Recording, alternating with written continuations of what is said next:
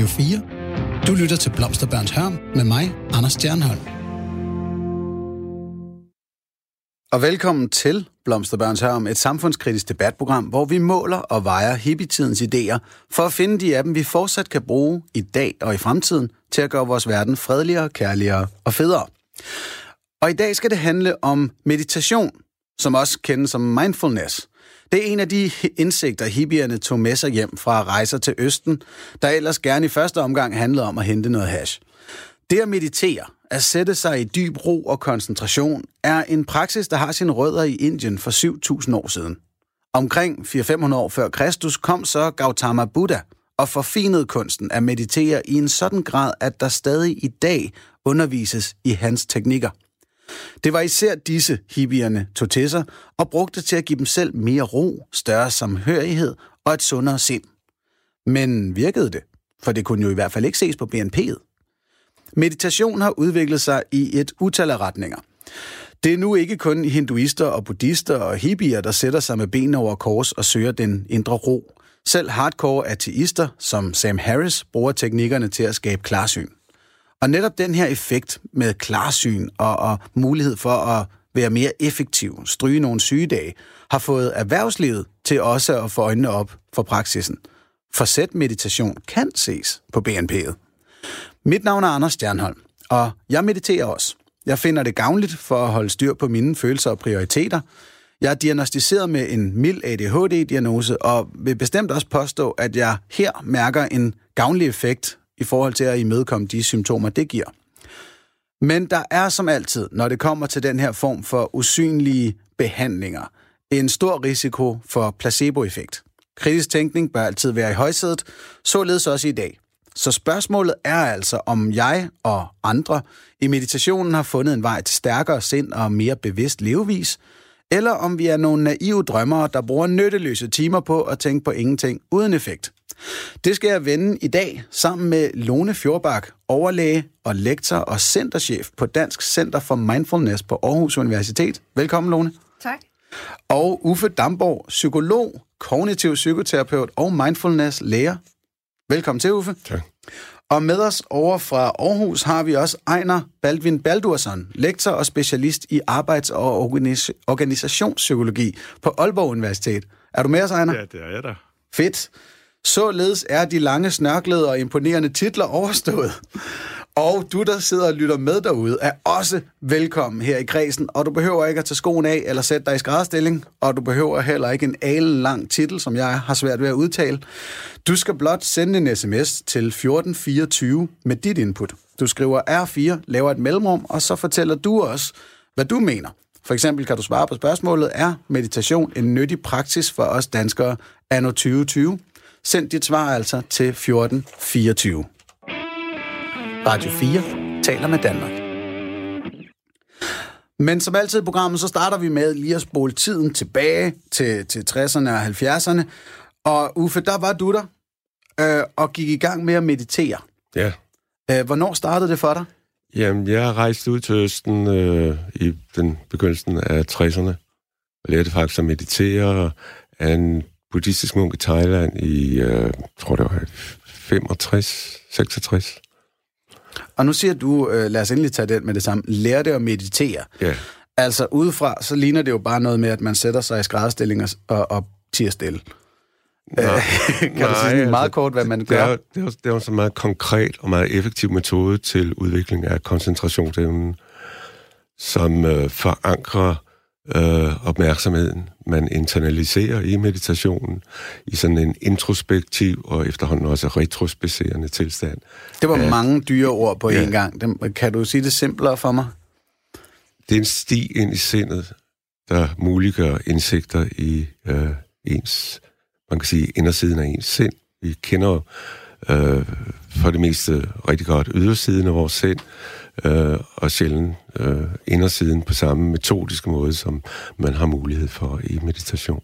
Så når jeg siger, at man sætter sig og tænker på ingenting, så er det i hvert fald ikke den rigtige Nej, udlægning. det, det, altså du har du kan ikke lade være med at tænke simpelthen. Altså, der, er nogen, der er nogen, der har den opfattelse, at meditation er en, en tilstand, der er fri for tænkning overhovedet, men det er øh, de mindful, mindfulness-baserede meditationer i hvert fald ikke. Der handler det om at være nærværende med øh, objektet for din opmærksomhed. Og det er tit i den øh, øh, intro-speciserende tilstand, dine tanker, dine følelser, kropsfornemmelser osv. Så det handler om at tænke over, hvad man tænker over? Nej, ikke tænke, men opleve direkte, at se direkte ind i øh, karaktererne, naturen af dine tanker, øh, hvad der betinger dine tanker, og man undgår i hvert fald ikke at blive meget opmærksom på øh, den momentære foranderlighed af tænkning, af emotionalitet, af sansning osv. Og det har sådan, på sigt en, en uh, transformativ uh, ændring, uh, især uh, i forhold til din selvopfattelse. Yes, den prøver jeg lige at dumme lidt ned, den her sætning. En momentær indsigt i, altså man får, får en idé om, nu opstår der en følelse, nu opstår der en tanke, og i det man får en idé om, at de her ting opstår flygtigt, så får man også en bedre kontrol med og idé om, hvad der er ens hjerne foretager sig. Er det, er det sådan, det skal forstås? Det er grundindsigten i den form for øh, meditation, som den sekulariserede mindfulness er rundet af, nemlig såkaldt øh, vipassana indsigtsmeditation. Øh, vi øh, udvikler et opmærksom nærvær med foranderligheden fra øjeblik til øjeblik. De fleste mennesker ved godt, at øh, ting forandrer sig, at de selv forandrer sig over tid, at man er ikke den samme person i dag, som man var for eksempel for fem år siden, eller bare sidste år, eller sidste uge måske. Øh, men det er sjældent, og det er i hvert fald et meditativt anlæggende, at man er opmærksom nærværende med forandringen, mens den finder sted i tanken, i følelsen, i sansningen, fra yes. øjeblik til øjeblik. Og nu smider du så et ord på bordet, øh, vipassana, som er ordet for den her indsigtsmeditation, og som jo øh, tydeligt også viser, hvor det her kommer fra. Udover at du blev glad for meditation, blev du så også buddhist? Altså, denne her meditation, den leder jo til, som jeg nævnte, en, øh, en, en ændring af selvopfattelsen. Og sådan helt grundlæggende, så består den ændring i, at man gradvist bliver opmærksom på, at der rent faktisk ikke er noget at identificere sig med, fordi øh, det, den non-meditative bevidsthed har identificeret sig med, ses nu hele tiden, at være en tilstand af momentær foranderlighed og ophør. Og identitet betyder jo, det kommer fra latin idem, der betyder at den samme, at man er den samme over tid. Og der begynder man i indsigtsmeditation at udvikle en forståelse af, at det er en illusion. Så men jeg ved mm. godt, at øh, så andre, til... der ikke har den opfattelse, øh, vil opfatte en person som mig, der mediterer meget, som, øh, der praktiserer meget buddhistisk meditation som buddhist, og det er heller ingen problemer med. Okay, så er jeg buddhist, men jeg opfatter ikke mig selv som... Øh, altså, det, det, det er ikke en identitet for mig. Okay. Hvorfor blev det her så stor en del af dit liv, det her med at meditere? Jamen, jeg var på en lang rejse ud i Østen, og som sagt, så øh, på et tidspunkt, så befinder jeg mig i et buddhistisk kloster og bliver instrueret i øh, at øh, vende blikket meget metodisk indad. Og så bliver jeg pludselig klar over, at jeg ligesom har rejst i den forkerte retning, og haft blikket øh, hele tiden vendt i den forkerte retning, nemlig udad. Så det blev ligesom en, en ændring af rejsen fra at være noget ydre til at være noget indre. Og det er altså en metode, hvor du som der ikke findes noget tilsvarende i øh, vesterlandsk øh, kultur i det hele taget. Altså, vi har ikke nogen metode til øh, at skabe den form for for sen ind i sinden på den meget metodiske og indsigtsgivende måde. Yes, og, og dengang du så kommer tilbage til Danmark, der er det jo så også helt nyt at meditere, ja. gætter jeg på. Ja. Hvordan så omverdenen på jer? Nu siger du på jer. Ja, nu ved jeg ikke, var, det, var du alene om det? Ja, jeg var alene på den her lange rejse, og øh, dengang i begyndelsen af 60'erne, der troede jeg faktisk, jeg var den eneste dansker, der, der mediterede, men da jeg så kom tilbage i 67, så så jeg, altså, det var, der, der, det var, det var noget, der var, der var i tiden, og der var rigtig mange, der mediterede. Det var så især tra- øh, Transcendental Meditation. Jeg vil sige, at The Beatles blev disciple af Maharishi Mahesh, uh, vandte om sig blev populariseret på den måde. Men sjældent på den øh, meget dybe og metodiske måde, som jeg selv øh, var blevet introduceret til i klostre i, øh, i, øh, i Thailand, og som jeg så i 68 som i 68 fik mig til at vende, at vende tilbage til Indien for dengang at søge efter en lærer, jeg kunne øh, blive hos gennem længere tid. Og der fandt jeg så min meditationslærer, Anna Garika Moninderji, i øh, Bodh Gaya i Nordøstindien, og hos ham var jeg i seks år mediteret øh, intensivt i seks år senere Godt. på Sri Lanka. Der, der er lige et nedslag, ud over de her navne, som jeg undskyld, jeg fniser af, fordi jeg kan ikke huske forskel på dem. Men det, det er heller ikke det helt vigtige her. Men jeg tror, det er vigtigt at få en skældning ind imellem indsigtsmeditationen og så den her transcendentale meditation. Og som udgangspunkt gætter jeg på, at det transcendentale meditation, der formoder man, at der er noget uden for os mennesker, uden for vores naturlige verden, det transcendente, som man rent faktisk påvirker ved at meditere, hvor at indsigtsmeditationen kan anskues rent naturalistisk som en, en indre rejse i ens egen bevidsthed.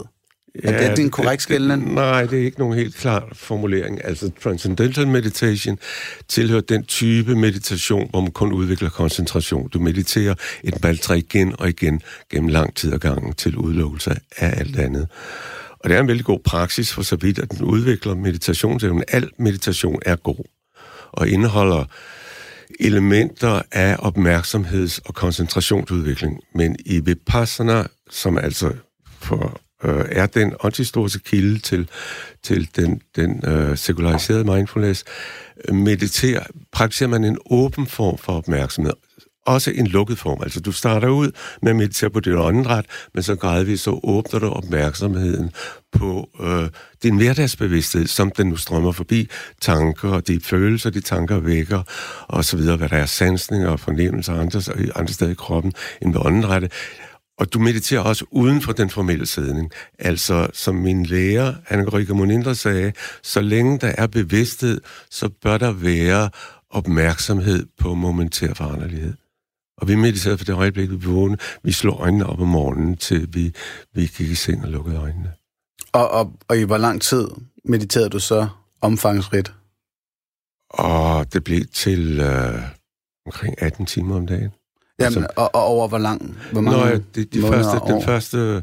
Jamen, det gjorde jeg i seks år, jo, og så var jeg hjemme et, øh, et års tid, og så tog jeg ud til Sri Lanka og boede på en eremitage ude af regnskoven i to år sammen med fem uh, munke. Med, med koncentreret meditation 18 timer om dagen?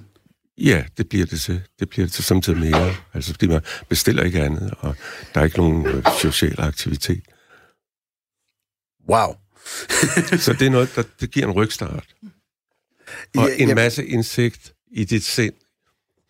Ja, ja jeg skulle til at sige, at udbyttet må have været enormt, siden du har afsat så meget tid. Ja, man bliver belønnet af den form for intensiv praksis, det er derfor, man... man og, og kan du på nogen måde formulere for os, øh, øh, hvad jeg skal til at sige, værtslige, dødelige, øh, sappende vesterlændinge, hvad det er, det gav af indsigt?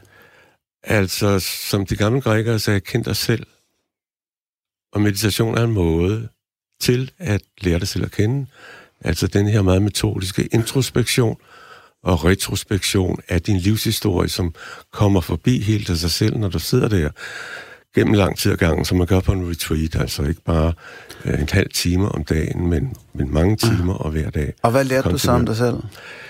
Jamen, man kommer i kontakt med øh, typisk en masse erindringer, som den non-meditative bevidsthed ikke er i kontakt med.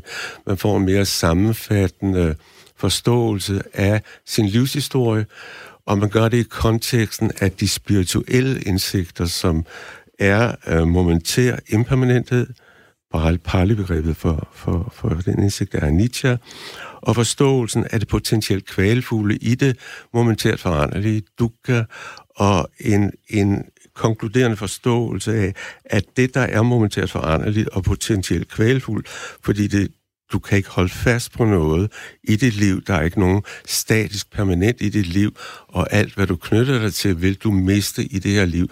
Det er potentielt kvalfuldt, er også intet kernesel. Altså, der er ikke noget lige det sidste. intet kernesel. Altså, de fleste mennesker opfatter sig selv i perspektiv af et kernecel. Jeg er en statisk et, et identitet.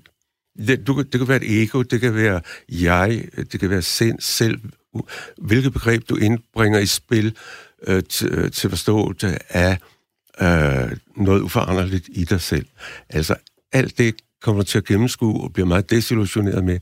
Der er ikke sådan en autonom agent i dit sind, som styrer dit sind.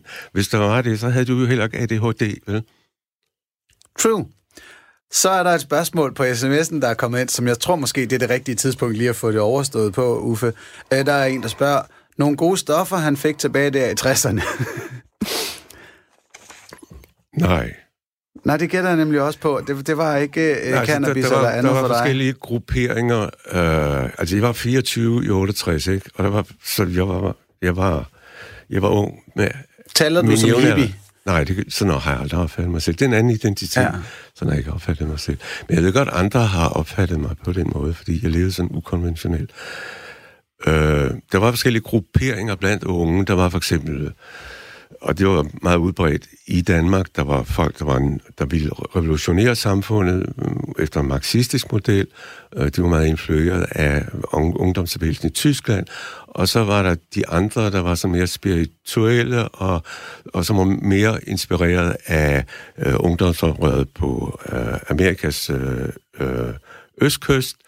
Og så var der sådan en tredje gruppe, som røg ud af, af, øh, en tangent med hård narkotika, og som for mange vedkommende døde af det. Yes, så du er en del af den rene indsigtsvej. Øhm, og nu skal vi så til den runde, hvor vi ligesom kigger på, hvorfor det er, vi alle sammen måske bør meditere. Radio 4 taler med Danmark. Så nu har Uffe ligesom forklaret sin historie, fortalt os, hvad er egentlig øh, det, det fede ved at meditere. Øhm, muligvis er nogen stadig lidt forvirret, for du, du bruger nogle dyre begreber, når du forklarer det, Uffe. Øhm, og lidt senere, så åbner vi også for, at Ejner over i Aarhus kan fortælle os, hvorfor man ikke bør meditere. Og Ejner, du er også velkommen til lige at rømme dig en gang imellem, hvis, der, hvis du er der tænker, at der, der er en god pointe, du skal af med. Jamen, det, det er der meget fristet til. Så, øh, nu har en af mine gode venner er kristenpræst. Og øh, han hævder, at når han beder til sin Gud, så oplever han øh, betydningsfuld lidenhed. Og det giver ham ro i livet. Øh, ham og Uffe kunne sikkert have øh, spændende samtaler, men det, der er vigtigt at understrege, at det min ven præsten siger, og det Uffe siger, det har intet med videnskabelig forståelse at gøre. Det er en religion. Og hvis man nu anskuer de påstande, Uffe fremfører ud fra et videnskabeligt standpunkt. For det første, påstanden om, at det ikke findes et kernesæt. Vent, vent, vent lidt, Ejner. Okay. Altså hele den her øh, side omkring, hvorfor ikke meditere, den skyder vi lige 15 minutter ind til alle ja, positive argumenter. Sige, vi taler om øjeblikket om religion. Okay, det synes jeg er en super spændende teaser, fordi jeg er temmelig ivrig øh, ikke-religiøs decideret øh, religionskritiker jo er nærmest øh, erhverv. Så hvis det, jeg foretager mig hjemme i lænestolen og på, på, øh, med mine ben over kors, virkelig er religiøs praksis, så skal jeg til at revurdere, hvad jeg har gang i. Så nu har jeg noget personligt på spil her. Øh, men den her runde handler meget om, hvorfor er det, vi skal meditere. Så du må lige tage noter for nu, Ejner, og så øh, åbner vi for sluserne øh, om en kvarters tid. Ja. Lone, du har stiftet Center for Mindfulness på Aarhus Universitet, hvor I uddanner instruktører i meditation. Hvorfor er du som læge blevet så vild med meditation, at du har gjort det her? Det er fordi, jeg er psykiater, og jeg har elsket at være psykiater. Jeg elsker at arbejde med folk en til en og hjælpe dem til, hvordan at de får det bedre. Og, øh, men så skete der det, at der bare kom flere og flere patienter, og der blev færre og færre psykiater. Og så uanset hvad jeg gjorde, så hvis nu at man kun er fem læger, og man skulle være 100, og der kommer flere og flere læger, så bliver det jo mangelfuldt, det man gør. Og så tænkte jeg, jeg øh, var på det tidspunkt ivrig yoga meditations udøver, så tænker jeg, der må være noget, man kan gøre, hvor man kan hjælpe flere mennesker på en anden måde, ved at gå ind i forskning, og så prøve at finde ud af noget. Og det gjorde jeg så, og så på den måde, så kom jeg i kontakt med nogle andre forskere i USA, hvor jeg så fandt ud af, der er faktisk nogen, der har fundet nogle måder at bruge yoga og meditation på, som ikke er fordi man er religiøst interesseret, men bare til folk, som har det dårligt, eller som bare gerne vil styrke deres mentale sundhed. Og man kan jo sige kollektivt i samfundet lige nu, der tager vi nogle beslutninger og lever på en måde, hvor vi skaber rigtig mange problemer. Vi har klimakriser, vi har depressionskriser, vi har bankkriser, vi har alle mulige ting, som... Og der vil jeg så lige hurtigt, altså det, jeg formoder, det er den midterste krise, du tænker, at Nej, meditation jeg tænker umiddelbart faktisk kan... det hele. Fordi at, at det, det første er, at vi så lavede forskning, hvor vi så fandt ud af, er der noget, man kan gøre for selv at styrke sit mentale sundhed og forebygge depression. Og så finder vi ud af, det er der. Der findes nogle videnskabelige testede programmer, som er publiceret i de fineste videnskabelige tidsskrifter, der er, som har højeste grad af evidens, der viser, at vi har løsninger, der kan styrke mental sundhed og forebygge depression. Og de løsninger synes jeg, man skal bruge. Og så har vi jo Godt. alle mulige andre problemer. Og Yes. nu er mindfulness der, hvor vi skal prøve at bruge den evne til at tænke og være til stede til fornuftigt at løse alle de andre problemer. Så mindfulness ikke bare bliver noget med, at man sidder og har det godt med sig selv. Altså Okay. det, det er, Men det er til, hvordan man sige- gør noget godt i verden også. Et skridt ad gangen, tænker jeg. Ja. Øh, Men hvis du lige vil vippe din mikrofon lidt op. Yes. Øh, så vi får en lidt bedre lyd.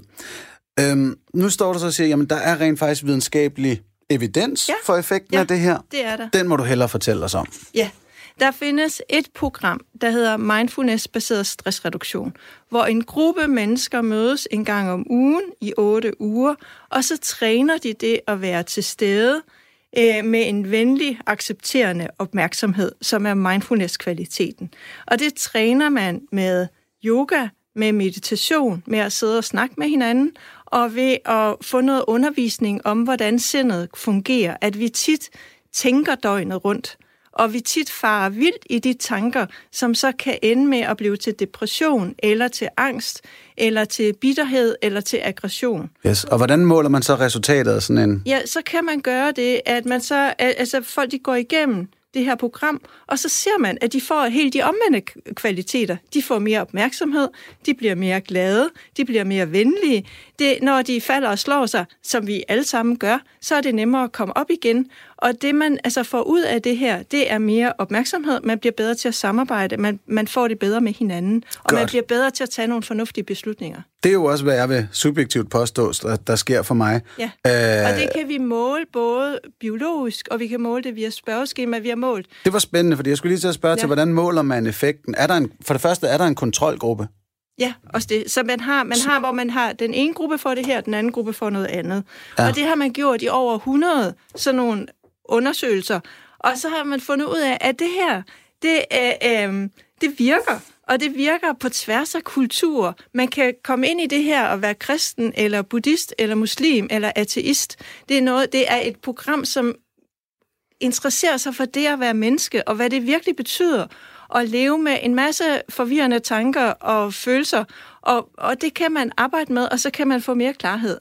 Godt. Og, Og det- så nu, nu blev jeg vildt spændt, da du sagde, at der også er biologiske målinger. Ja, det er det, folk bliver mest øh, interesseret i, øh, øh, øh, fordi vi tror tit mere på biologi eller på maskiner, end vi gør på folks egen oplevelse. Men, Ja, øh, men, men det- er også spændende, at man, altså, øh, man kan få mere aktivitet i præfrontal cortex, som der, hvor vi ser, øh, altså, hvor vi er i stand til at tage langsigtede gode beslutninger. Og det er jo spøjs nok den, som ADHD-tesen går ind og siger, jeg Ja. mangler dopamin i. Ja, at der er en, du har svært ved at prioritere, sådan at, øh, øh, og jeg har selv en, øh, hvad hedder det, øh, samme øh, kan blive interesseret i alting meget hurtigt, men altså, så der evnen til hele tiden virkelig at prioritere, hvor opmærksomheden skal være henne, så den ikke bare flyver rundt. Det er en del af opmærksomheden. Og så der, der er andre dele med, hvor nervøs man er. Altså, vi kan nemt komme til at være meget sådan på vagt, men hvor der faktisk ikke er noget at være bange for. Øh, det er en anden del af opmærksomheden. Så kan man blive, altså ens øh, hippocampus, som er sådan for indlæring og hukommelse, den kan blive styrket.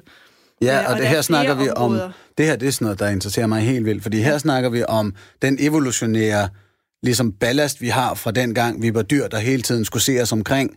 Der har vi den her sådan Ja. fornuftige paranoia, det var den i hvert fald Ja. for 10.000 år Ja. siden. I dag, hvor man sidder i et fredeligt samfund, og der ikke er nogen, der har lyst til at slå dig ned hele tiden, så er det faktisk lidt i vejen for vores... Ja, og så det, vi gør, det vi bruger den samme, hvor vi så bare hele tiden bekymrer os om os selv. Og så kan vi sætte det samme stresssystem op i gang, når vi sidder i sofaen, uden at være i nærheden af noget som forældres farligt. Så sidder vi og tænker på, hvad andre tænker om os, eller hvordan vi tager os ud, eller hvordan, altså hvor vi hele tiden sammenligner og kommer til at gøre noget, hvor man kommer væk fra det, at vi faktisk alle sammen hænger sammen via åndrættet. Altså, vi, vi, vi øh, træder nu på den samme jord. Vi, øh, det her vil jeg gerne høre. Vi trækker vejret af den samme luft. Der er altså den samme luft, som holder dig i live. Og som sender coronavirusen rundt. Ja, ja. Og, og det, tanker bliver også sendt rundt. Og vi sender tanker rundt, der gør, at flere og flere det bliver deprimeret. Det smitter. Og nu er det sådan, at hver fire for, altså, i sit liv vil få en depression.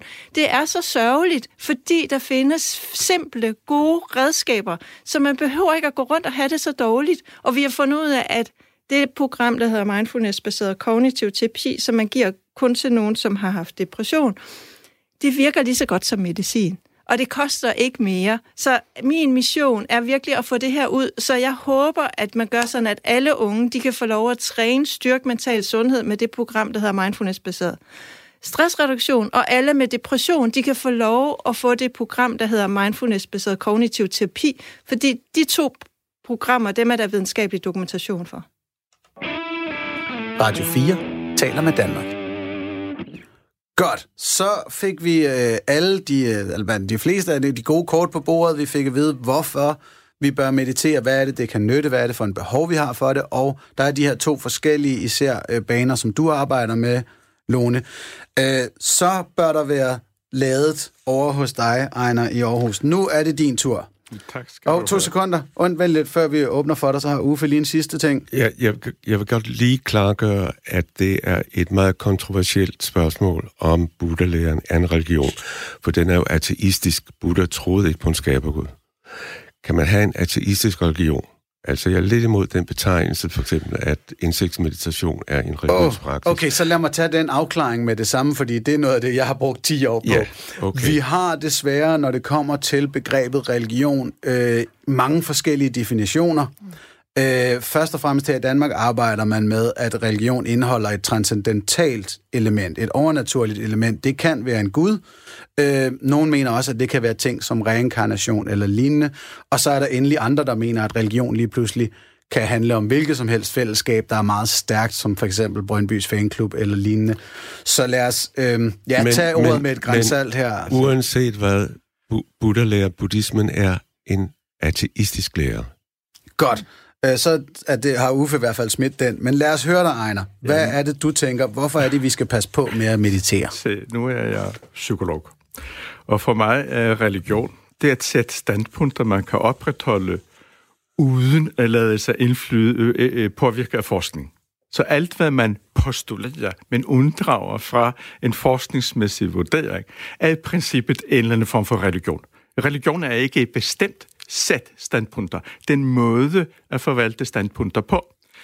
Øh, okay. Øh, hvor videnskaben går den stik modsatte vej. Den betvivler alt, og herunder sig selv. Men så vil jeg sige... Det okay, men masser... stop, stop lige en gang der, fordi det, så skal vi bare blive enige om, at det er altså sådan, øh, at Ejner bruger ordet ja. religion. Det er heller ikke min normale definition, ja. men det hjælper os med at forstå, hvad du mener. Absolut. Det er heller ikke religionssociologisk. Det er din private, Ejner. Det er okay, det er okay, det er okay. vi kan det er fint. Ja, altså, nu har du gjort red for begrebet. Religionssociologi er meget spændende, ja. og I vil sige, at en del af den er meget sammenfaldende med det, jeg siger. Men, men vi skal ikke gøre det for teknisk, fordi den del, jeg skal komme omkring. Ja. Øh, det første er påstanden om, at vores øh, tendens til negativ tænkning skulle være en eller anden fejlslagen evolutionær arv. Det er en misforståelse. Fordi mm. at i udviklingen af det sociale sind, har evolutionen forandret en række systemer, som er tiltænkt andre formål, til øh, den målsætning at gøre os bedre til at håndtere livet i komplekse sociale fællesskaber. Og en vis grad af mistænksomhed, en øh, vis grad af frygtsomhed er faktisk et positivt element i vores måde at håndtere sociale relationer på. Hvis vi er for naive og indfoldige, så bliver vi i bedste fald misbrugt. Så påstanden om, at det skulle være negativt i sig selv, er ikke korrekt. Ja, men der skal jeg lige forstå, altså fordi nu, jeg, jeg har jo et debatprogram, og jeg har brugt mange øh, år af mit liv på at, at debattere både politik og religion osv., og, og jeg synes, da jeg ser igen og igen og igen, at når vi mødes omkring de her uenigheder, så har folk en, en overtændthed, som er i vejen for en, en mere meningsfuld øh, holdningsudveksling. Vil du mene, at, at, at der ikke er et evolutionært efterslæb der? Nej, tværtimod. Jeg vil mene meget, at det vi taler om som et problem, og er et problem, afspejler nogle af de seneste evolutionære modifikationer af cyklen, som muliggør alt vores fælles liv. Evolution er ikke nogen god designer, men det, den har fundet på, det er det, der gør, at vi kan i dag tale sammen over radioen om komplekse problemer. Jamen, øh, jeg er med på, at der er den bonuseffekt, men det, at jeg stadig kan få et adrenalinrush, eller en lækat, der opdager en hyæne i horisonten, bare fordi nogen fortæller mig, at jeg tager fejl omkring skattepolitik, det er der vel ikke sådan evolution, der har, har været hurtig nok? Ja, altså det evolutionen har gjort øh, hele vejen igen, det er, at den taget noget eksisterende og forandret på det. Det, den forandrer på, er der jo stadigvæk. Det vil sige, hele vores psyke bærer øh, lange række træk, som rækker langt tilbage i evolutionen. Så vores nyeste evner, som muliggør det fællesskab, vi har i dag, øh, bærer selvfølgelig også fingeraftryk af den fortid, de kommer fra. Mm. Og, og, og netop bevidstheden om, at, undskyld, men, men er vi ikke lidt enige om, at der er den her, det her lille efterslæb? Jeg synes ikke rigtigt, det giver mening at kalde noget efterslæb, når vi nu trods alt er i stand til så effektivt, så utroligt effektivt, at befinde os i enorme sociale fællesskaber.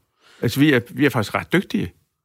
Så øh, jeg vil sige, jeg vil sige og, og, og det er jo slet ikke utænkeligt. Der, der, der at, tror jeg, folk, der er på Facebook og diskuterer, vil være lidt uenige med dig. Det, men altså, det er jo ikke det er videnskabens formål, der er jo ikke at skabe enighed, men uenighed. Okay. Men det videnskaben har fundet ud af, det er det, der betyder allermest for, hvordan vi har det. Det er helt almindelig medmenneskelig kontakt. Og øh, det kan være, det er ved at blive en mangelvare, fordi at vi hele tiden flakker rundt i alle de muligheder, vi har. Og desværre er det sådan, at der er flere og flere, der får problemer med stressangst og depression og smerter, og som ikke føler, at de er en del af fællesskabet, godt, eller godt. ikke føler, at de har en god kontakt til andre mennesker, og det kan man styrke. Den, den har vi været ved. Øh, nu, nu prøver jeg så lige at se, om jeg kan snævre det her ned. Øh, lad os sige, hvad videnskaben har sagt om, om mindfulness og meditation. Det, som Lone kommer med og siger, at der er faktisk evidens for, for en effekt her. Øh, Ejner, er du enig i det? Nej, det er jeg ikke. Det tænkte øh, jeg nok. Øh, jeg har det med øh, mindfulness, ligesom jeg har det med en slankekur. Det findes mange forskellige bud på slankekur. Effekten er den samme. Hvis man spiser lidt mindre usundt og spiser lidt mindre, så er der en positiv effekt. Og det der er problemet inden for psykologien, og det er et meget beklageligt problem, det er at næsten samtlige af vores behandlingsmetoder er non-specifikke. Det vil sige, at de er alle sammen forskellige blodbud på en slankekur. Øh, og det er synd. Nå, så du tænker, at, at, at de her 100 forskellige forsøg, som nogle henviser til, de har været, har, der har været store variationer i de forskellige behandlingsformer og indgreb, man har lavet i dem? altså nu bliver det meget teknisk. Øh, for eksempel mindfulness-baseret stressbehandling er en blanding af flere forskellige tiltag. Og når man blander flere forskellige ting sammen, så er det svært at se, hvor effekten kommer fra. Programmet som sådan er fornuftigt, men det findes andre programmer, som er lige så effektive. Øh, hvis man tænker på andre former for mindfulness-baseret behandling, øh, og når man sammenholder det med de traditionelle behandlinger, så er forskellen ret lille. Og der skal vi huske en meget, meget vigtig ting omkring behandlingsideernes historie i psykologien. Hver gang den ordentligt finder på noget, og er optændt af det, så vil vi se en forskning i en tid, som er præget af, at patienter og behandlere deler fælles forståelser. Øh, I tredje fase, hvor de, der ikke er optændt af ideen om noget særligt, en behandlingsmetode kommer ind på forskningsbehandling, så falder effekten. Vi så det med kognitiv behandling og kognitiv adfærdsmæssig behandling, øh, at den periode, hvor effekterne synes at være voldsomt store, det har været faldende igennem lang tid. Øh, det synes en del af hele historien om, når man finder på behandlinger. Godt, lad os lige stoppe der. Så, så der er en, en moddille-effekt, hvis jeg må oversætte den til det. Det var du. Ja, jeg vil Lone? sige, altså mindfulness-baseret stressreduktion, det er en kompleks intervention, hvor der er mange komponenter i. Men selve pakken, den virker. Den virker ikke bedre end medicin. Den virker øh, heller ikke bedre end individuel terapi men den virker lige så godt, og der er nogen, der ikke har nogen interesse i at gå i individuel terapi eller at få medicin, men der er det jo vigtigt, at man har nogle andre redskaber. Øh, og der, altså, når noget bliver publiceret i metaanalyser i nogle af verdens førende medicinske tidsskrifter, som mindfulness-baseret stressreduktion, mange, mange programmer er blevet øh, øh, publiceret i, og øh, mindfulness-baseret kognitiv terapi, så er det fordi, at de virker. At man, vi ved nu, at vi kan styrke mental sundhed, og vi kan forebygge depression. Når man så får ud af, at noget virker, så begynder man at se i, hvordan er det, det virker. Og det er der, vi er med forskning nu, og der laver vi hjerneskanninger for at finde ud af, hvordan det virker. Og der har vi lavet et forsøg med deprimerede, der lærer mindfulness-baseret kognitiv terapi, og så har vi fundet ud af, når man sidder og tænker på alt det der, altså når man bare sidder og tænker, så har, kan det ryge ind i depression, og det gør man for det bedre. Hvis man bare fokuserer på åndedrættet og på kroppen og lærer den evne, så får man sådan en pause, hvor at man får det bedre, og hvor man altså ikke bliver så fanget af de tanker, som kan være virkelig ubehagelige. Og det siger du, det er der efterhånden forskningsresultater, ja, der det, understøtter? Det, det er forskning, vi sidder vi er i gang med at lave nu, og som, altså, som viser, at man kan se, at ved at, altså, man kan forestille sig, at det her det er ligesom motion. Yes, yes. Jamen, og, det så, var lige... og, og så kan man se, at hvis den måde, vi bruger sindet på, der kan vi komme til at altså, ikke bruge opmærksomheden, eller bruge den på en dårlig måde, der kan trække humøret ned. Yes. Og så kan vi lære nogen, som har det dårligt, som har depression, eller vi kan lære nogen, som er raske, men så bare gerne vil blive bedre til at bruge deres evne til at tænke. Det kan vi se på hjerneskanninger. Godt. Ejner, hvad siger du her? Det må jo være din tur så. Ja, det, det, betyder, det er vel det, vi gør i debat. Vi tager, det, det tager ture. Altså, for det første, jeg vil øh, stille spørgsmålstegn ved fortolkningen af hjerneskanninger. Og øh, det vil jeg, fordi at øh, alle former for påvirkning, som indebærer en eller anden form for beroligelse, vil typisk medføre den forandring, man kan notere igennem hjerneskanninger af forløb, som omfatter forskellige former for mindfulness-baserede behandlingsmetoder. Igen, øh, det er ikke noget, der tyder på, at det er noget særligt. Det er heller ikke en overbevisende evidens for, at det skulle være langvarig effekt. Men lad mig nu lige tage en lille smuttur et andet sted hen. Fordi at øh, øh, lovene nævnte, at mindfulness-baseret behandling kunne være vejen til løsningen af problemet med global opvarmning. Okay, men vent, vent, vent, vent lige før vi hopper videre. Okay. Nu vil jeg lige høre, øh, Lone, med hensyn til de her øh, hjernescanninger, medgiver du, at det måske heller ikke er, endegyldigt sikker evidens på den måde, Ejner siger det?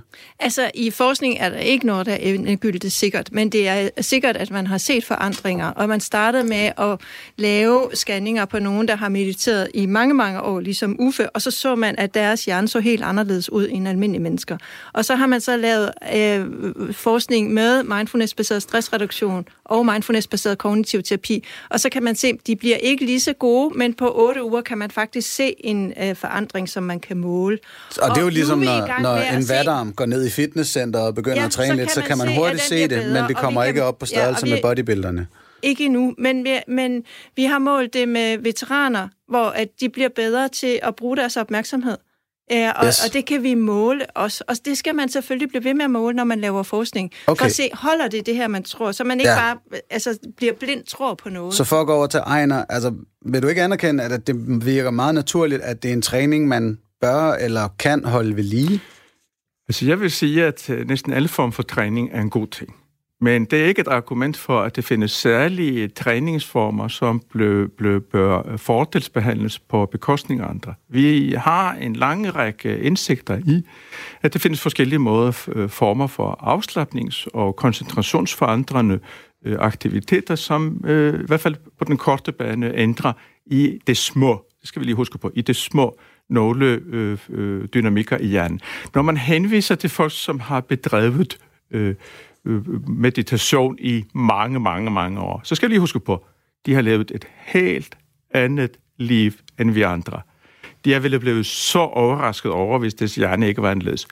Det gengæld vil jeg så sige, det er ikke noget, der tyder på, at folk, som har den baggrund, er specielt meget mere effektive og velfungerende i samfundet end alle mulige andre. Det er jo ikke sådan, at vi kan sige, at vi har 10 Nobelprismodtagere, som kan tilskrive sine opfindelser anvendelsen af mindfulbaserede metoder. Vi kan ikke se den der succes, som mindfulness gerne skulle understøtte, hvis påstanden skulle være korrekt. Okay, hvad- Altså, det må- mener jeg så faktisk, man Ja. kan. Og vi, arbejder jo så med sportsudøvere, hvor det så også er kommet i gang. Og, øh, hvad hedder det? øh, så dem, der vandt Chicago Bulls øh, øh, turneringen af Det, det, er basketball... nogle, det er de, nogle år øh, siden. Nå, så det, jeg ved ikke, jeg, jeg interesserer mig ikke så meget for basketball, men jeg kender deres mindfulness-træner, Ja, og som er blevet tilskrevet. Det er hans øh, øh, indflydelse, ja. der Og det, det er naturligvis valgt. anekdotisk, det vi går i gang med her, men der vil jeg da også sige, øh, folk som Steve Jobs, der startede øh, Apple, øh, mit store idol Sam Harris, øh, en ateistisk øh, forfatter, øh, forfatteren Yuval Harari, som har lavet bogen Sapiens, øh, store fortaler for meditation, og tilskriver dele af deres succes, ja, men, meditationspraksis. Så, så må jeg straks komme med en bemærkning. Ja. Øh, Steve Jobs døde alt for tidligt, og han døde på grund af overtro. I stedet for at indgå i kræftbehandling, det kunne have reddet hans liv, så forsøgte han som alternative behandlingsmetoder. Hvis mindfulness har haft indflydelse på en succes, så har den også ansvar for hans faldsbeslutninger. Det er jo udmærket. Øh, men men det, så vil du medgive os måske, at der er nogle succeser ud af det her. Jeg vil medgive, at enhver form for kontrolleret koncentration vil styrke visse ressourcer hos mennesker, ja. så, men ikke specielt mindfulness. Så hvis vi lige opsummerer, to sekunder, to sekunder. Øh, øh, din påstand, Ejner, er altså ikke, at mindfulness nødvendigvis er dårligt, men blot, at der er rigtig mange andre alternativer, øh, som kunne være lige så effektive. Er det rigtigt forstået? Ja, men min bekymring er, at mindfulness også er forbundet med en række påstande om psyken, som er videnskabeligt uholdbare. Som at den vej kommer ind i en samtale, som bør være videnskabelig. Der tænker jeg meget på noget, af det Uffe har sagt. Godt. To sekunder. Og det, det Uffe siger, det er noget fra øh, nogen, der er virkelig, virkelig interesseret i det, øh, øh, og gerne vil øh, have en spirituel praksis. Det er noget helt andet end det, der hedder mindfulness-baseret stressreduktion, og det, der hedder mindfulness-baseret kognitiv terapi. Og der er faktisk nogen, der bliver syge af at komme på retreat, altså som hvor at det, det er slet ikke det, der er noget for dem, fordi det er en virkelig, virkelig hård træning. Det er en rigtig Så... god disclaimer, inden det vi hmm. åbner for nu. Radio 4 taler med Danmark. Fordi i dag i Blomsterbørns Hørm, der vender vi meditation som praksis. Øh, det var noget, hippierne var med til at indføre her i Danmark, og jeg diskuterer det her sammen med Uffe Damborg, som er psykolog og meditationsunderviser, øh, Lone Fjordbak, som er centerleder for Center for Mindfulness på Aarhus Universitet, og med os på, øh, fra studiet i Aarhus har vi Ejner Baldursson, som er Øh, lektor og specialist i arbejdspsykologi. Og Ejner, nu skal vi lige til at vende det her med, at, at meditation, du tvivler lidt på, at effekten er bedre end andre måder at, at koncentrere sig på eller øve sig i koncentration, men du er så også bekymret for, at meditation kan være en form for gateway drug til noget, noget værre. Og lad os også lige løfte den kritik. Det synes jeg er en vigtig diskussion. Øh, og det hænger sammen med, at noget af det mest effektive i de forskellige udformninger af mindful-baserede behandlinger – det er smertereduktion. Men smerte er jo ikke et uheld. Smerte er ikke en misforståelse. Det er et signal fra kroppen på, at noget er galt. Og øh, nu står jeg lige med hold i nakken, og jeg spiser smertestillende medicin for at kontrollere smerten. Det er faktisk en dårlig idé. Jeg burde gå til fysioterapeut og blive behandlet. Og hvad det endnu mere er, jeg burde se på mine arbejdsbetingelser og ændre dem, så det her hænder sjældnere. Og det, der sker, når vi bedøver en smertereaktion på problemer i verden, så gør vi det nemmere at ignorere problemer, som vi bør blive bedre til at løse. Og det er jo grunden til, at mindfulness er blevet så populær i erhvervslivet. Erhvervslederen har opgivet ideen om at udforme arbejdsmiljøet på en bedre måde. Hellere mindfulness, og så er man kommet ud af det.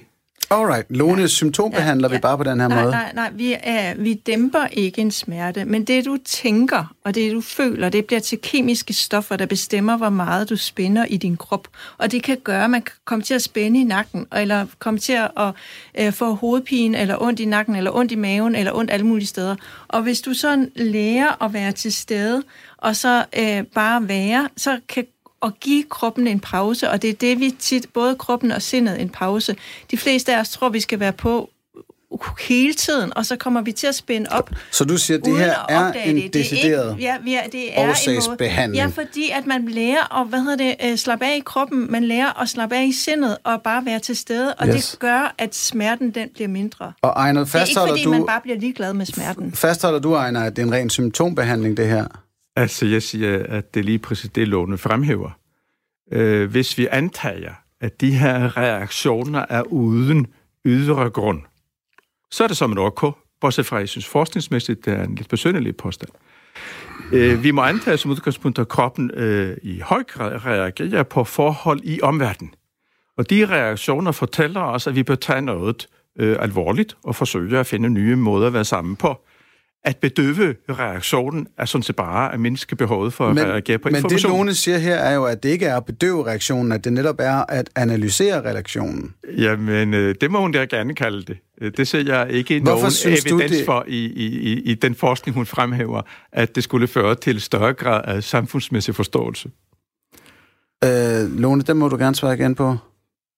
Altså, jeg, jeg vil give Ejner øh, ret i, at øh, der er nogle former for mindfulness, der er blevet fuldstændig oversolgt, og hvor man tænker, altså du kan ændre din hjerne, du kan blive lykkelig i løbet af fem minutter, og du kan producere og blive supermand, hvis du bare sidder og mediterer. Og det, det er øh, forkert. Men det skygger, og det kan måske komme til at skygge for, at der faktisk er nogle programmer, dem jeg siger, mindfulness-baseret stressreduktion og mindfulness-baseret kognitiv terapi, der faktisk kan styrke mental sundhed, forebygge depression og løse nogle af de alvorlige, alvorlige problemer, vi har med, at flere og flere de går ned med stress, angst og depression. Yes. Behovet for det har vi været igennem. Ja. Nå, men så lad os springe øh, hen til der, hvor jeg bliver bekymret, Ejner. Fordi du siger til mig, at jeg er på vej til at blive religiøs, når jeg mediterer. Forklar lige, hvad, hvad balladen er der. Balladen er simpelthen den, at øh, du binder dig op på en forståelse, som ikke kan modbevises af videnskabelig vej. Du øh, indgår i, hvad jeg grundlæggende set er en buddhistisk bønnepraksis, og det kan lige så godt være en kristen bøn. Og jeg indrømmer, det findes en vis evidens for, at den kristne bøn, hvis man er tilpas troende, fungerer på præcis samme måde. Okay, stop lige en gang. Ja. Så, så, så det her med effekten af meditation, det er en ufalsificerbar påstand. Er det det, du siger? Ja, altså, ja, at forudsætningerne for at tro på den er lige præcis at tro. Og øh, det bekymrer Det, mig. det, ja, nå, det forstår jeg ikke helt, fordi hvis der er efterhånden forskningsresultater, og der kan man så tale om, om metoderne er helt på plads, men som viser, at, at folk oplever en bedring i deres koncentration osv. Jamen, lad mig lige være opmærksom. Undskyld, Lad os lige ja. fremhæve følgende. Ikke? De undersøgelser, der er lavet, øh, som har kvalitet, de er lavet i kliniske sammenhæng. De er lavet øh, i videnskabelige sammenhænge, hvor der er kontrol over en lang række faktorer omkring, hvordan man gør det. Og det, man ikke kan, det springer fra denne forskning øh, til en verden, hvor man er stresset og presset, og hævder, at man kan replicere den samme effekt. Det, der tror jeg, jeg, jeg at øh, Lone og jeg er enige. Det er et problem, når man populariserer noget, som virkelig er et behandlingsredskab til anvendelse i, daglig forvaltning af et liv, der måske burde være anderledes. Ja, der, der, er, altså, der er videnskabelige studier af høj kvalitet, som er samlet i metaanalyser, som er den højeste grad af evidens, med helt almindelige mennesker, som ikke har, er syge eller noget andet, øh, og som bruger mindfulness-baseret stressreduktion og får det bedre. Godt, jeg skulle også lige til Ligesom at sige... man får det bedre, hvis man begynder at dyrke motion. Nu siger jeg lige noget super lægmandsagtigt, ikke? Men, men er det ikke blot et spørgsmål om kvantitativ data, før man siger, at en given behandlingsform har effekt? Altså, når jeg tager øh, et par panodiler, så er det også fordi, at mennesker har taget panodiler i en række år og har haft en smertedæmpende effekt af dem. Og når jeg sætter mig og koncentrerer mig om meditation i et kvarter, så er det også fordi, jeg har hørt fra tilpas mange mennesker nu, at det hjælper dem. Øhm, er, er der noget forkert i den udlægning? Ja, absolut. Godt. Øh, det er igen øh, det religiøse spørgsmål. Hvis du tror, at sindet kan bestemme over kroppen, det er jo en, tro, det er en trosag. Øh, det er der ikke synderlig videnskab. Nej, her tænker jeg, at sindet kan bestemme over sindet. Øh, Altså, så vil det sige, at, at, at øh, Panodil har en øh, Det er også- bevidst det er også og- et trospørgsmål. To, to, to sekunder. En, en af gangen. Øh, Ejner, det er stadig dig, der har, Ja, men altså, talebamsen. øh, øh, smertestillende medicamenter bygger på en, en velforstået fysiologisk mekanisme. Øh, så det, det, det som, der har vi videnskaben på plads, og vi har årsagsforklaringerne på plads. Øh, hvorimod øh, ingen har med sikkerhed kunne forklare, på hvilke biologiske og, og fysiologiske mekanismer effekten af meditation skulle bero. Det er en almindelig urolighedsreducerende øh, til, øh, metode, og uroligheden er så et problem, som vi kan forholde os i og for sig selv. Men uanset hvad man gør, og det gælder så begge af mine modparter her, øh, så er der meget lidt interesse for omverdenen i deres øh, tilgangsmåde. Jeg er meget interesseret i de enorme problemer, som udvikler sig på de moderne arbejdspladser, og hvor ledelsen er givet op og vælger individuelle løsninger. Alt, hvad det bruges i den sammenhæng, er en del af problemet. Det, det skal du lige forklare. Alt, hvad der bruges i den sammenhæng. Jamen altså, jeg synes, jeg ligeglad med, om man bruger smertestillende medicin eller andre måder at leve med sit ubehag i arbejdet på, så længe det bruges til, at man ikke forholder sig til de problemer, der er i arbejdet. Ah, så er jeg med. Det er selve strukturerne i vores arbejdsliv, du siger, er er er problematisk. Godt, men, men det skal vi ikke ind på her, vil jeg Nej, lige det sige. der, er det det, vi masser har af brug job, der er masser af job, som i sig selv er øh, stressende. Øh, vi, har, vi har lavet noget på en arbejdsplads, hvor de arbejder med børn med svært ADHD og autisme, og der er tit øh, magtanvendelser, og der er alt muligt, der, der er meget stressende og svært, og der er stor lidelse. Mm. Og der har ledelsen så sagt, vi vil passe på vores medarbejdere, og der har man opdaget, at øh, øh, altså, øh, 44 procent af medarbejderne, de var meget stressede. Og så gav vi den mindfulness-baseret stressreduktion, og så blev de mindre stressede. Det faldt, altså, så der kun var øh, 12 procent, der var stresset bagefter. Og det, de sagde, det var, de bliver bedre til deres arbejde. De får bedre kontakt med børnene. De bliver bedre til at være der for forældrene, som jo selvfølgelig synes, at det er en svær situation. Yes. Okay, men, men vi kan hurtigt blive enige om, at vores arbejdsliv ikke er synderligt optimalt indrettet. Øhm, nu skal jeg lige på faldrevet se, om vi kan nå at opsummere nogle ting. Så det vil sige, Ejner, det, det religiøse element i det her, det er faktisk bare det ikke-videnskabelige i dine øjne. Er det korrekt forstået? Den deler det. Det er lidt bredere end det, men den deler det. Okay, fordi... Uffe, Uffe repræsenterer for mig at se en væsentlig del af mindfulness-miljøet. Alright, men det er bare, jeg vil lige sige, som, som personligt som ateist, så er jeg sådan rimelig tryg ved, at jeg, så længe jeg praktiserer vi- vipassana meditation, og ikke hopper videre ind i, i chantende meta eller lignende, at så holder jeg mig sådan set på den sekulære sti. Vil du, øh, bare lige for, ja, vipassana er, hvor man øh, koncentrerer sig om, at hvad sindet har gang i, noget af det Uffe beskrev. Meta, det når man går ind og, og ligesom chanter for sig selv noget, noget loving kindness, øh, compassion, kalder Ja, I det det, det nu? arbejder vi også med. Okay, altså, der, der synes jeg nemlig, der, der, der er må måske et vildt spring der. Så hvis nu man virkelig vil interessere, altså vil, hvis man er sikker på, at man ikke øh, så spilder sin tid ved det her, så, og man er nysgerrig på det, så kan man jo tage de øh, programmer, som er videnskabeligt testet, og som kan, man kan være med i, uanset om man har en tro eller man ikke har en tro. Og det tror jeg er en rigtig god idé her, hvor vi kun har et par- minutter tilbage, så er det, at alle får lov til at plukke, hvad de mener, øh, man bør gøre som lytter, der er interesseret i mere om det her. Lone, man kan tjekke Center for Mindfulness, gætter jeg. Ja, og tage sindet virkelig, virkelig alvorligt og passe på det, fordi vi kommer så nemt til at leve på en måde, som slet ikke var det, der var hensigten, hvis vi bare flyver rundt og ikke er i kontakt med os selv. Og Må jeg, Uffe, må jeg komme med en sætning? ja, Jeg vil hellere ændre verden, end at reflektere over den. okay, men det er jo sådan en hønen og ægget diskussion, fordi Lone tænker, at vi skal reflektere over den, så kommer vi til at ændre den. Ja. Øh, men Og Uffe, der, hvis der du lige ligesom skal to måder smide... at ændre verden på. Enten så kan man forsåle jordoverfladen, hele jordoverfladen, så kan alle gå bare forud. Den ene måde, den er ikke særlig praktisk, den er utopisk. Den anden måde, at man selv tager sko på og begynder at lære andre at tage sko på, som kan gå overalt. Og det er blandt andet med indsigtsmeditation hos Uffe Damgaard. Man, ja, og man kan gå ind på min hjemmeside, indsigtsmeditation.dk, og læse om de længerevarende retreater, Vipassana retreater, retreater, som jeg afholder fra 5 til 19 dage her i øh, det indværende år. Godt, vi prøver så vidt muligt at være reklamefri. Men øh, Ejner, du må jo selvfølgelig også gerne fortælle lytterne, hvor du tænker, de skal kigge hen, hvis de er interesseret i enten mindfulnessen eller kritikken af mindfulnessen. Hvad er det, du vil foreslå os at gøre? At fokusere på de problemer, som skaber ubehag. At skabe fællesskab omkring at få skabt en øh, indsatsmulighed over for de problemer. Vi har brug for at forandre verden, også så meget. Og det gør vi ved at forholde os til de oplevelser, vi får af de problemer, der er der. Og det er jo så spøjst, ikke? Nu har vi debatteret det her i, i lidt over 50 minutter, og det virker som om, du og Lone er, og Uffe for den sags skyld, er rørende enige i, at, at vi skal redde verden, og det er jo dejligt hippieagtigt. Det tror jeg ikke på. Vi er meget uenige. Jeg tror, at det eneste, det handler, øh, Nej, det, altså, det I- rykker, det er den faktiske handling, og ikke forestillingen om den. Øh, Jeg Uffe? synes, jeg, Ja, jeg jeg tror- faktisk gør jeg ret tror- mange ting. Vi kan finde en fælles platform i, at vi kan blive enige om, at vi skal øge opmærksomheden på de problemer, der er i verden. Både uden for os og i os. Øh, øh, opmærksomhed er den primære realitetsorienterende betingelse i et menneskes liv.